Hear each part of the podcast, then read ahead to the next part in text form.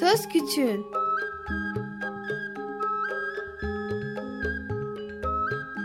Bir Çocuk Hakları Programı Bilgi Üniversitesi Çocuk Çalışmaları Birimi hazırlıyor ve sunuyor.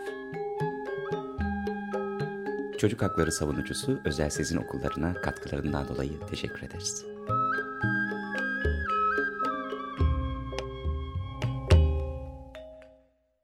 Merhaba dinleyicilerimiz, ben Beren. Ee, bu hafta programı e, 12 Haziran Dünya Çocuk İşçileri Günü'nde çekiyoruz.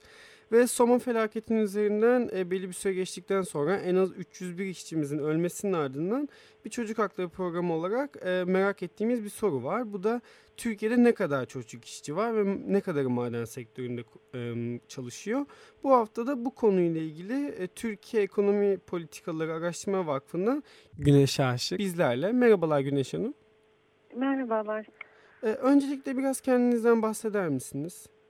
Tabii. E, ben Türkiye Ekonomi Politikaları Araştırma Vakfı'nda ekonomist olarak çalışıyorum.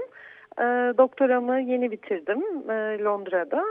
Uzun zaman yani TEPAV'da, TEPAV Türkiye Ekonomi Politikaları Araştırma Vakfı'nın kısaltılmış hali. Son bir senedir çalışıyorum ve iş gücü piyasaları üzerine araştırma yapıyorum. Peki e, bu bizim TEPAV'la TEPAV'ı ilk defa konuk edişimiz ve bu nedenle vakfınızı biraz daha iyi tanımak istiyoruz. Acaba birazcık TEPAV'dan bahsedebilir misiniz bize? Tabii ki. TEPAV e, bir düşünce kuruluşu. Biz ekonomi e, adından da belli olduğu üzere ekonomi politikalarını araştırıyoruz ve veriye dayalı politika üretme amacını güdüyoruz. Bu yani veriye dayalı politika üretmek demek çeşitli analizler yapmak demek mevcut istatistikleri değerlendirerek politika üreticilerine, hükümete veya işte bakanlıklara veya özel sektöre danışmanlık yapmak demek. Ve hani yani bir bakıma da kar amacı gütmeden hani daha iyi ekonomi politikalarını nasıl oluşturabiliriz e, buna kafa yoruyoruz. Sadece aslında ekonomi politikaları değil aynı zamanda yönetişimle ilgili projelerimiz de var. E, uluslararası projelerimiz var. Yurt dışıyla e, çeşitli bağlantılarımız, çeşitli ortaklıklarımız var. E, Londra'da e, Chatham House diye bir yine düşünce kuruluşu var. Onlarla ortak işler yapıyoruz. E, daha sonra Oxfam var. Gene İngiltere'de onlarla ortak işler yapıyoruz. E, Filistin'de projemiz var. E, Kafkasları ilgilendiren e, Gürcistan, Ermenistan, e, Türkiye bu, bu bölgedeki ilişkiler nasıl düzeltebilir, e, ticaret nasıl arttırılabilir bunun üzerine projelerimiz var. Dolayısıyla aslında ekonomi alanında birçok farklı sektörde ve konuda araştırma yapıyoruz ve politika üretiyoruz, projeler yürütüyoruz. TEPA böyle bir kuruluş. Peki 23 Mayıs tarihinde TEPA'nın internet sitesinde sizin yayınladığınız bir araştırma var. Madencilik sektörü, çocuk işçiler, hukuk ve istatistikler adlı. Evet. Bu araştırmayı okumamış dinleyicilerimiz için birazcık bahsetmemiz mümkün mü? Tabii. Ee, bu çalışmayı biz e, Soma faciasından sonra e, yaptık. E, yani o, o tam işte şey günlerinde hani kaç e, e, kişinin öldüğü belli olmadığı e, ilk günlerde bir tartışma ortaya çıktı biliyorsunuz. Hani e, ölenlerden biri 18 yaşının altında mıydı, çocuk işçi çalışıyor muydu, çalışmıyor muydu diye bir tartışma gündeme geldi. Daha sonra çocuk işçinin yani 19 yaşında olduğu öğrenildi, tespit edildi ölen kişinin maalesef ama biz bunun üzerine merak ettik. Acaba hakikaten madenlerde çocuk işçiler çalışıyor mu, çalışmıyor mu? Bunu merak ettik ve bunun üzerine hane halkı iş gücü anketleri var. Türkiye İstatistik Kurumu tarafından yayınlanan istatistikler var. Ee, ve e, bu istatistiklerde çalışanların yaş dağılımları, sektörel bilgileri var. Buna bakaraktan biz bu çalışmayı e, yaptık. E, öncesinde Türkiye'deki e, çocuk işçiliğine dair hukuksal çerçeve nedir? Hukuk ne söylüyor? Kanunlar ne söylüyor? Neye izin veriyor? Ona baktık. Onun devamında da istatistikler neler gösteriyor? E, bunu araştırdık. Peki ben tekrar bu araştırmayı okumamış ve konuya biraz daha hı hı. uzak dinleyicilerimiz için soruyorum. Türkiye'de şu anda çocuk işçiliği hukuksal olarak ne durumda? Yasak mı yoksa belli bir yere kadar izin veriliyor mu? Tabii. Türkiye'de 15 yaşın altında çocukların çalışması yasak. Yani 15 yaşın altında kesinlikle izin yok. Ama 10, 14 e, yaşını doldurmuş ve ilk öğretimini tamamlamış çocukların e, kısıtlı alanlarda ve okullarına engel olmayacak şekilde bedensel, zihinsel ve ahlaki gelişimlerine e, engel olmayacak şekilde çalışmalarına izin var. E, burada hangi sektörler hangi sektörlerde çalışabilirden ziyade hangi sektörlerde çalışamaz? Kanun bundan bahsediyor. Bahsettiğimiz kanun 4857 sayılı iş kanunu ve buna göre yani 15 yaşını doldurmuş çocukların çalışmasına izin ol yani hani kısıtlı sektörlerde çalışmasına izin olmasına rağmen madencilik sektöründe ya maden ocaklarında kablo döşemesi, kanalizasyon, tünel inşaatı gibi yer altındaki e, işlerde çalışmaları kesinlikle yasak. E, bunun yanı sıra e, patlayıcı ve zararlı maddelerin olduğu alanlarda çalışmaları yasak. Çok gürültülü alanlarda çalışmaları yasak. Radyoaktif maddelere maruz kalacakları alanlarda e, çalışmaları yasak. E, veya para taşıma, tahsilat işleri gibi e, işlerde çalışmaları yasak. E, zaten de okullarına engel olmayacak şekilde hani çalışmalarına izin var. Bütün bu bahsettiğim e, alanlar, sektörler e, çocukların hem fiziksel gelişimine hem de psikolojik gelişimine e, zararlı olacağı için e, yani bu alanlarda çalışmalarına e, iş kanunu kesinlikle izin vermiyor. Peki tüm bu yönetmeliklere rağmen Türkiye'de belli bir miktarda çocuk işçi olduğunu olduğu göze çarpıyor bu araştırmanızda. Evet. Şimdi TÜİK'in verilerine göre kömür ve lignit çıkartılması sektöründe çalışanların %1.6'sı çocuk. Ki bu da e, Türkiye'de en az 772 tane çocuk maden sektöründe çalışan e, işçi olduğu anlamına geliyor. Bu çocuk işçi olmasının ve araştırmanıza göre bir kısmının da ruhsatlı olması e, yani kayıt içinde olarak çalışmasının temel sebebi ne? Göz, yum göz yumulması mı? Yani evet e, açıkçası şey e, hani e, anketlerden biz bu TÜİK'in Türkiye İstatistik Kurumu'nun iş gücü anketlerinden biz çalışma nedenlerini göremiyoruz. Ancak yani hani mutlaka çalışma nedenlerinden biri ekonomik ihtiyaç olmalı. Ee, ve bu kanunen yasak olduğu için de çalıştırılmaları e, çalıştırılan çocukların sosyal güvencesi olmadan yani kayıda alınmadan çalıştığını görüyoruz. E, bu TÜİK'in istatistiklerinin şöyle iyi bir yanı var. İnsanlar kayıt dışı çalışsalar dahi bunu istatistikler yakalayabiliyor. Yani yakalamak derken bunu istatistiklerde görebiliyoruz. Çünkü e, TÜİK her e, yani belli bir e, istatistiki şey kapsamında hane halklarıyla gidip tek tek görüşüyor ve orada e, çalışanların yaş dağılımını, e, gelir bilgilerini, sektörleri böyle ayrıntılı bir şekilde öğrenebiliyor. Buna göre çocukların neden çalıştığını göremesek dahi çocukların hangi koşullar altında e, ve hangi ücretle çalıştığını görebiliyoruz. Ve e, sizin de dediğiniz gibi kömür ve çıkartılması sektöründe e, dahi çalışan 15-19 yaş arasında e, oldukça fazla çocuk görünüyor. Peki. E, Ve bunların da zaten e, sadece yüzde on dördü kayıtlı olarak görünüyor. Bunun geri kalanı kayıt dışı olarak görünüyor. Yani hiçbir sosyal güvencesi yok, hiçbir korumaları yok. E, maalesef e, hani şey e, yani e, tabii şey kötü bir durum çünkü sendikal hakları da yok. E, başlarına herhangi bir şey geldiği zaman onları koruyacak bir mekanizmadan yoksun olarak çalışıyorlar. Şimdi e, %85,5'ün kayıt dışı olduğunu yazmışsınız araştırmanıza. Geri evet. kalan 14,5'da kayıt dışı çalış, e, kayıt Kayıtlı. altında çalışıyor. Ben şimdi şunu sormak istiyorum. E, yönetmeliğe göre yeraltı işi, e, yeraltı işinde 18 yaşından küçüklerin çalışması tamamen yasak, hı hı. değil mi? Burada doğruyum. Peki bu yüzde on dört buçukluk kayıt altına çalış, çalışan e, çocuklar nasıl oluyor? Buna nasıl izin verilebiliyor? Onlar şöyle olabilir. Ee, hani tabii biz de şeyini göremiyoruz istatistiklerden ancak onların e, çalışma koşulları masa başı olabilir. Yani gene madencilik sektörü olup ama me mesela işte çay getirip götürme veya ofis boy işte hani bu tip daha hafif işlerde eğer e, maden ocaklarına yakın olmayacak yine madencilik sektörü olup ama hani direkt ocaklarda çalışmayan çocuklar olabilir. Dolayısıyla onların hani şey e, ofiste çalışmaları nedeniyle e, okullarına engel teşkil etmeme durumu söz konusuysa bu şekilde olabilir ama bu bizim tahminimiz. E, biz istatistiklerden hani daha da ayrıntıyı göremediğimiz için hani çok net cevap veremiyorum ama tahminimiz bu yönde.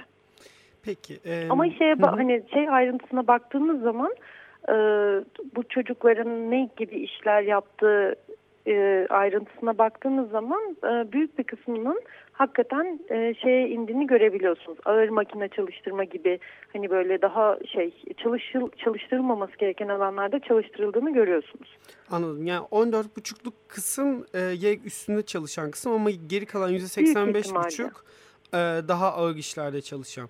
Peki evet. bu araştırmanın... Yani dediğim gibi çok e, net emin olamıyoruz e, elimizdeki bilgilerle ama bu şekilde olması muhtemel diye düşünüyoruz. Peki araştırmada yer, e, yer verdiğiniz bir başka şey de bu çocuk işçilerin gelirleri ve e, evet. bu gelir, gelirlerinin de aylık ortalama 226 lira olduğunu söylemişsiniz. Evet. E, bunun sebebi de sanırım çocuk işçiliğin yasak olmasından dolayı kayıtsız olması ve E, bu da çocuk iş gücü istismarını e, yol açıyor. Peki bu istismar nasıl önüne geçilebilir? Yani tamam Türkiye'de bir gerçek var. Ço- e, çocuk iş gücü bir şekilde maden sektörüne aktarılmış. Peki bu 226 lira gibi çok cüzi, cüzi bir rakam nasıl aşılabilir? Yani bunun önüne geçmek mümkün mü? Ee, bunun önüne geçmek elbette mümkün olmalı ee, ama bu şey anlamında değil tabii. Hani bu çocuklar yine çalıştırılsın ama daha yüksek e, kazançları olsun anlamında değil. Bu çocuklar kanunun yasakladığı alanlarda çalıştırılmasın şeklinde e, önüne geçilmeye çalışılabilir. Bu da tabii daha iyi denetim e, gerektiriyor. Yani iyi işleyen bir ekonomide, iyi bir hani düz yani gelişmiş bir ülkede hani örnek alınması gereken bir ülkede zaten e, kurumların iyi işlemesi gerekir. Bu devlet veya özel sektör olabilir fark etmez ama özel sektöre e, özel sektörün işler iş e, çalıştığı alanlarda da devletin denetiminin kuvvetli olması gerekli ki e, işçi hakları korunsun, iş güvenliği sağlansın, iş kazaları olmasın, e, çocuklar çalıştırılmasın yasak olan alanlarda. E, dolayısıyla e, ülkenin vatandaşlarının hakları korunabilsin. Bu çok önemli ve Türkiye'de maalesef biz görüyoruz ki kurumsal altyapımız zayıf ve şey yeterli denetim yok. E, yani bu Soma'daki facia öncesinde dahi Soma'ya dair olumlu raporlar çıkmış e, iş güvenliği açısından e, gayet pozitif e, bir resim çizen e, raporlar e, sunulmuş meclise basından takip ettiğimiz kadarıyla. Ama hani bu raporlar nasıl hazırlanmış bilmiyoruz. Ancak hani bir yet, denetim yetersizliği olduğu belli. Bu e, yani hani çocuk istismarının önüne geçmenin en etkili yolu da kurumsal altyapının geliştirilmesi ve bu e, ülkenin kurumlarının denetimi yerinde yapması yeterli denetim kapasitesine sahip olmasıyla ancak mümkün olacaktır. E, bu TÜİ'nin e, paylaştığı veriler sadece kömür ve lignit çıkartılması sektörüne ait yanılmıyorsam. Peki diğer madencilik ve ilgili sektörlerde de bu sayılara yakın çocuk işçi var mı? Ee, şöyle aslında TÜİK'in e, istatistikleri için e, iki türlü oluyor. Bir e, mikro veri setleri oluyor. Mikro veri seti demek e, TÜİK'in gittiği bütün hane halklarının da dair böyle çok fazla şey bilginin olduğu büyük bir istatistik seti. Onları özel izinle erişilebiliyor. Ee, bir, bunları, bunların altında da biz böyle detaylı bilgileri görebiliyoruz. Ve sadece kömür lignit alanında değil aslında başka sektörlerde imalat, hizmetler sektörüne dair e, tarım sektörüne dair bilgiler de var. Ancak bu notumuzun amacı e, madencilik sektörü olduğu için biz özellikle ona yoğunlaştık. Diğer hı hı. Sektör, sektörlere e, bakmadık. E, diğer taraftan TÜİK'in ana sayfasına, web sayfasına gittiğiniz zaman orada yine bilgiler görebiliyorsunuz ama bu bilgiler toplu halde e, sunuluyor. O e, toplu halde sunulan e, bilgilerde de şey göremiyoruz aslında e, çocuk işçiliğini çok net göremiyoruz. Ancak mikro veri setlerine e, gidip bakmak gerekiyor. Ama e, sadece kömür ve lignit sektörüne değil de genel olarak e, madencilik sektörüne baktığımızda tablo hemen hemen aynı. Ama e, kömür ve lignit alt sektöründen biraz daha iyi bir e, durum söz konusu. E, örneğin kayıt dışılık e, oranı e, e, daha düşük. E, yüzde 47'si kayıt dışı e, çalışıyor. E, şeyde yüzde yani daha doğrusu şöyle söylemek gerekirse kömür ve lignit sektöründe sadece yüzde yüzde on dördünün e, kayıtlı olduğunu görürken şeyde bu madencilik sektöründe genel olarak baktığımızda yaklaşık yüzde ellisi kayıtlı ve gelirleri daha yüksek 467 TL ortalama e, gelir kazanıyor 18 yaşının altındaki çocuklar madencilik sektöründe. Ama e, az önce de belirttiğimiz gibi kömür ve lignit sektöründe sadece 226 TL kazanıyorlar. Peki. Şimdi araştırma sonucunun çocukların madencilik sektöründe de istihdam edildiğini görüyoruz ve hı hı. Oldukça kazançlarının düşük bir şekilde ağır işlerde çalıştırıldığını görüyoruz. Peki bu konuda dünya nasıl bir konumda? Diğer ülkelerde bu istatistiği yapsak Türkiye'ye benzer olur mu? Daha iyi mi olur, daha mı kötü olur? Yani şey çok fazla detaya hakim değilim ancak dünyada baktığımız zaman toplam çocuk işçi sayısı yaklaşık 264 milyon tüm dünyadaki rakam yanlış bilmiyorsam. Ama hani tabii şey gelişmiş olan ülkelerde bu rakam çok daha az. Ama Türkiye gelişmekte olan ülkelere bakıldığı zaman çok da şey değil. Hani ee, diğer ülke gelişmekte olan diğer ülkelerde de maalesef resim aynı. Çin'deki e, Çin veya işte e, Uzak Doğu Asya ülkelerinde veya işte Orta Doğu'daki ülkelere kıyaslandı. Türkiye onlarla maalesef e, hemen hemen aynı ama tabii gelişmiş ülkelere kıyasla Türkiye çok daha kötü durumda. gelişmiş ülkelerde çocuk işçilerin oranı çok daha az. Peki şunu diyebiliyor muyuz? Ya ben merak ediyorum bu konuda bir bilginiz var mı? Hı Çok gelişmiş ülkelerden bahsediyorum. Ya İngiltere olabilir, Almanya olabilir, hı hı. Amerika olabilir. Bu ülkelere gittiğimiz zaman hiçbir şekilde kayıt dışı çocuk işçi bulmama olasılığımız var mı? Yani burada çocuk işçiliği sıfır diyebilir miyiz herhangi bir ülkede? Yani tabii sıfıra yakın olduğundan emin olabiliriz. Ee, çok daha düşük olduğundan yakın, e, emin olabiliriz. Ama şöyle de bir gerçek var. Ee, hani bu ülkeler e, tarihte hiçbir zaman şey değillerdi. Yani hani böyle hep sıfır noktasında hiçbir çocuk işinin çalıştırılmadığı, hep tarihleri böyle temiz bir şekilde ilerlemedi. Hani baktığımız hı hı. zaman endüstri devrimi zamanına özellikle yani çocuk işçi problemi çok büyük bir problemken gelişmişlik düzeyi arttıkça e, kanunların daha e, açık ve daha katı hale gelmesi, e, kişi başı gelirin artması, e, kurumsal altyapının gelişmesi, ülkelerin kalkınmasıyla beraber bu sorun çok çok daha azaldı. Denetim çok daha fazla arttı. Ama hani şey hikayeleri vardır mesela e, klasik edebiyata baktığımız zaman Oliver Twist vardır e, işte veya Charles Dickens'ın romanlarında o çocuk işçiler vardır. Hani İngiltere'de dahi e, hani işte bundan bir 100-150 yıl önce çok ciddi bir çocuk işçi problemi olduğunu görüyorsunuz. E, romanlara dahi konu olan e, çocuk işçi problemlerini görüyorsunuz. Ancak e, tabii zamanla e, ülkeler geliştikçe e, şey kanunların daha da kuvvetlenmesi neticesinde artık sorunun çok daha e, az bir e, boyutta olduğunu görebiliyoruz. Peki e, gündem çocuğun 19 Nisan tarihli Ahmet Irmıkçı tarafından yayınlanan haberine dönüyorum ben. Ve bu haberde 2013 yılında en az 633 çocuğun yaşamını yitirdiğini görüyoruz. Ve bunun da 83'ünün bir iş cinayetinden dolayı olduğunu görüyoruz. Peki şimdi hı hı. Türkiye'de en az 772 çocuk maden sektöründe çalışıyor. Bu en az TÜİK'in TÜİK tarafından hı hı. gördüğümüz veri. Peki bu çocukların e, kayıt dışı olmalarına rağmen iş güvenlikleri nasıl? Bu konuda bir bilgi yani var mı? Yani zaten kayıt dışı olmaları iş güvenliği olmadığı anlamına geliyor. Hı hı. Kayıtlı olmak demek e, devletin e, denetimine tabi olmaları demek. E, devletin denetimi ne kadar kuvvetlidir değildir onu bilemiyoruz ama en azından hani e, belli sosyal güvencesinin olması anlamına geliyor. İşte e, şeylere iş kazalarına maruz kaldıkları takdirde belli bir şey hani bakımdan e, haklardan faydalanacakları anlamına geliyor ve yani hani kayıp dışı olmaları maalesef her türlü istismara e, maruz kalmaları anlamına geliyor. Yani hani tabii biz bunu istatistiklerden net bir şekilde göremiyoruz ne gibi şeylere maruz kaldıklarını ama hani e, aslında çalışıp çalışmıyor gibi görünen e, çocuklardan bahsettiğimiz için onlara dair hiçbir koruma e, yok maalesef.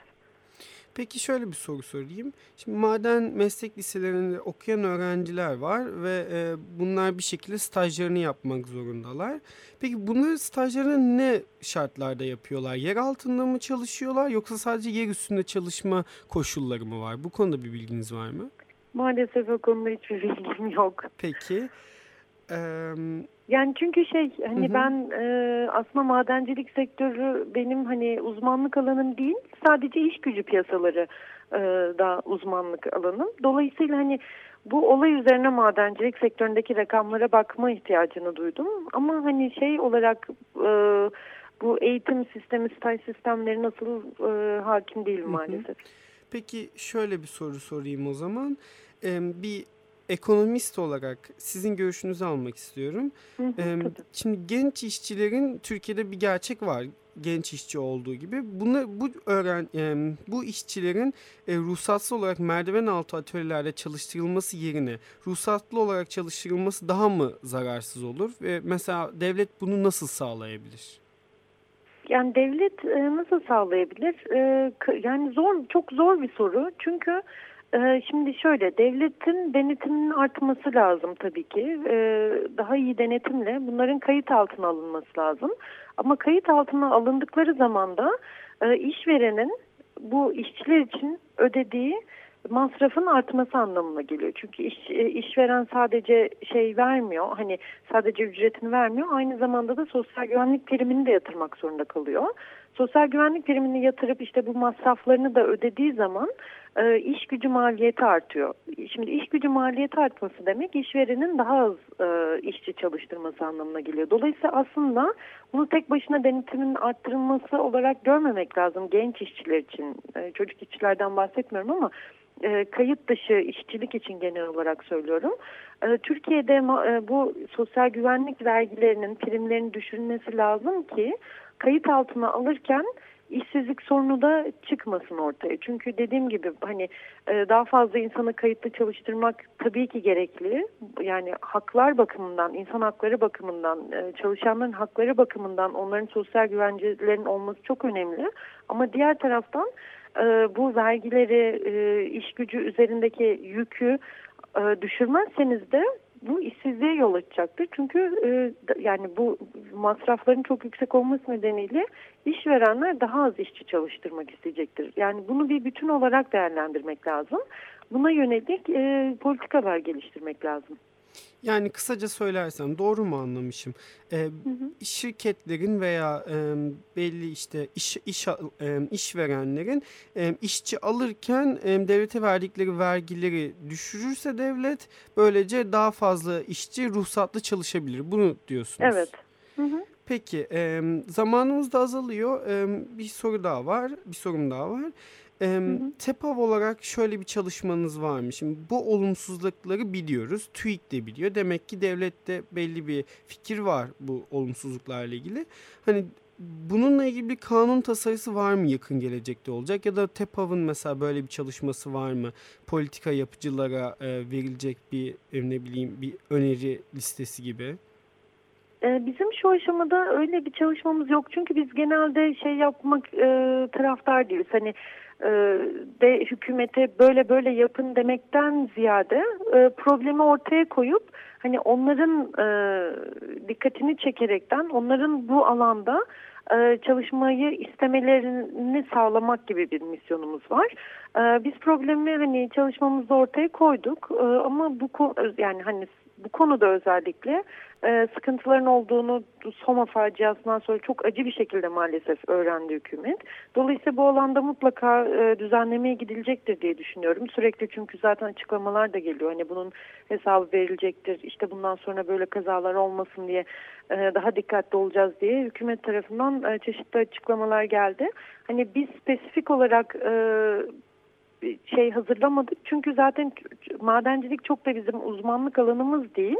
Bize talep geldiği takdirde hani e, çeşitli yerlerden veya hükümetten talep geldiği e, takdirde elbette ki katkı seve seve sağlarız ama hani e, bizim başlıca misyonumuz öncelikle sorunu ortaya koyup ama sorunu da hani böyle partizan bir dille veya politik bir dille değil hı hı. tamamen veriye dayalı, istatistiklere dayalı objektif bir dille e, problemi ortaya koyup e, politika mercilerinin e, dikkatini çekmeye çalışıyoruz.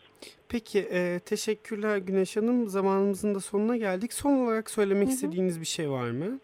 Yok teşekkür ederim beni davet ettiğiniz için. Biz teşekkür ederiz. E, bugün TEPAV'dan Güneş Aşık konuğumuzdu.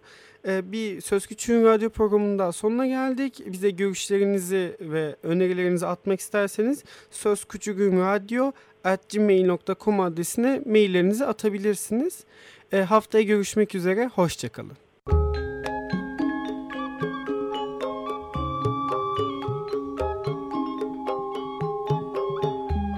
Söz Küçüğün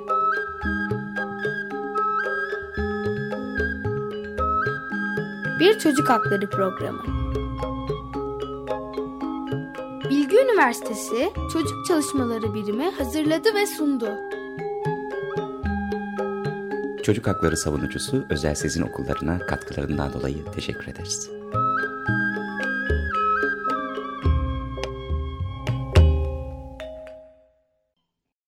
Radyo program destekçisi olun. Bir veya daha fazla programa destek olmak için 212 alan koduyla 343 41 41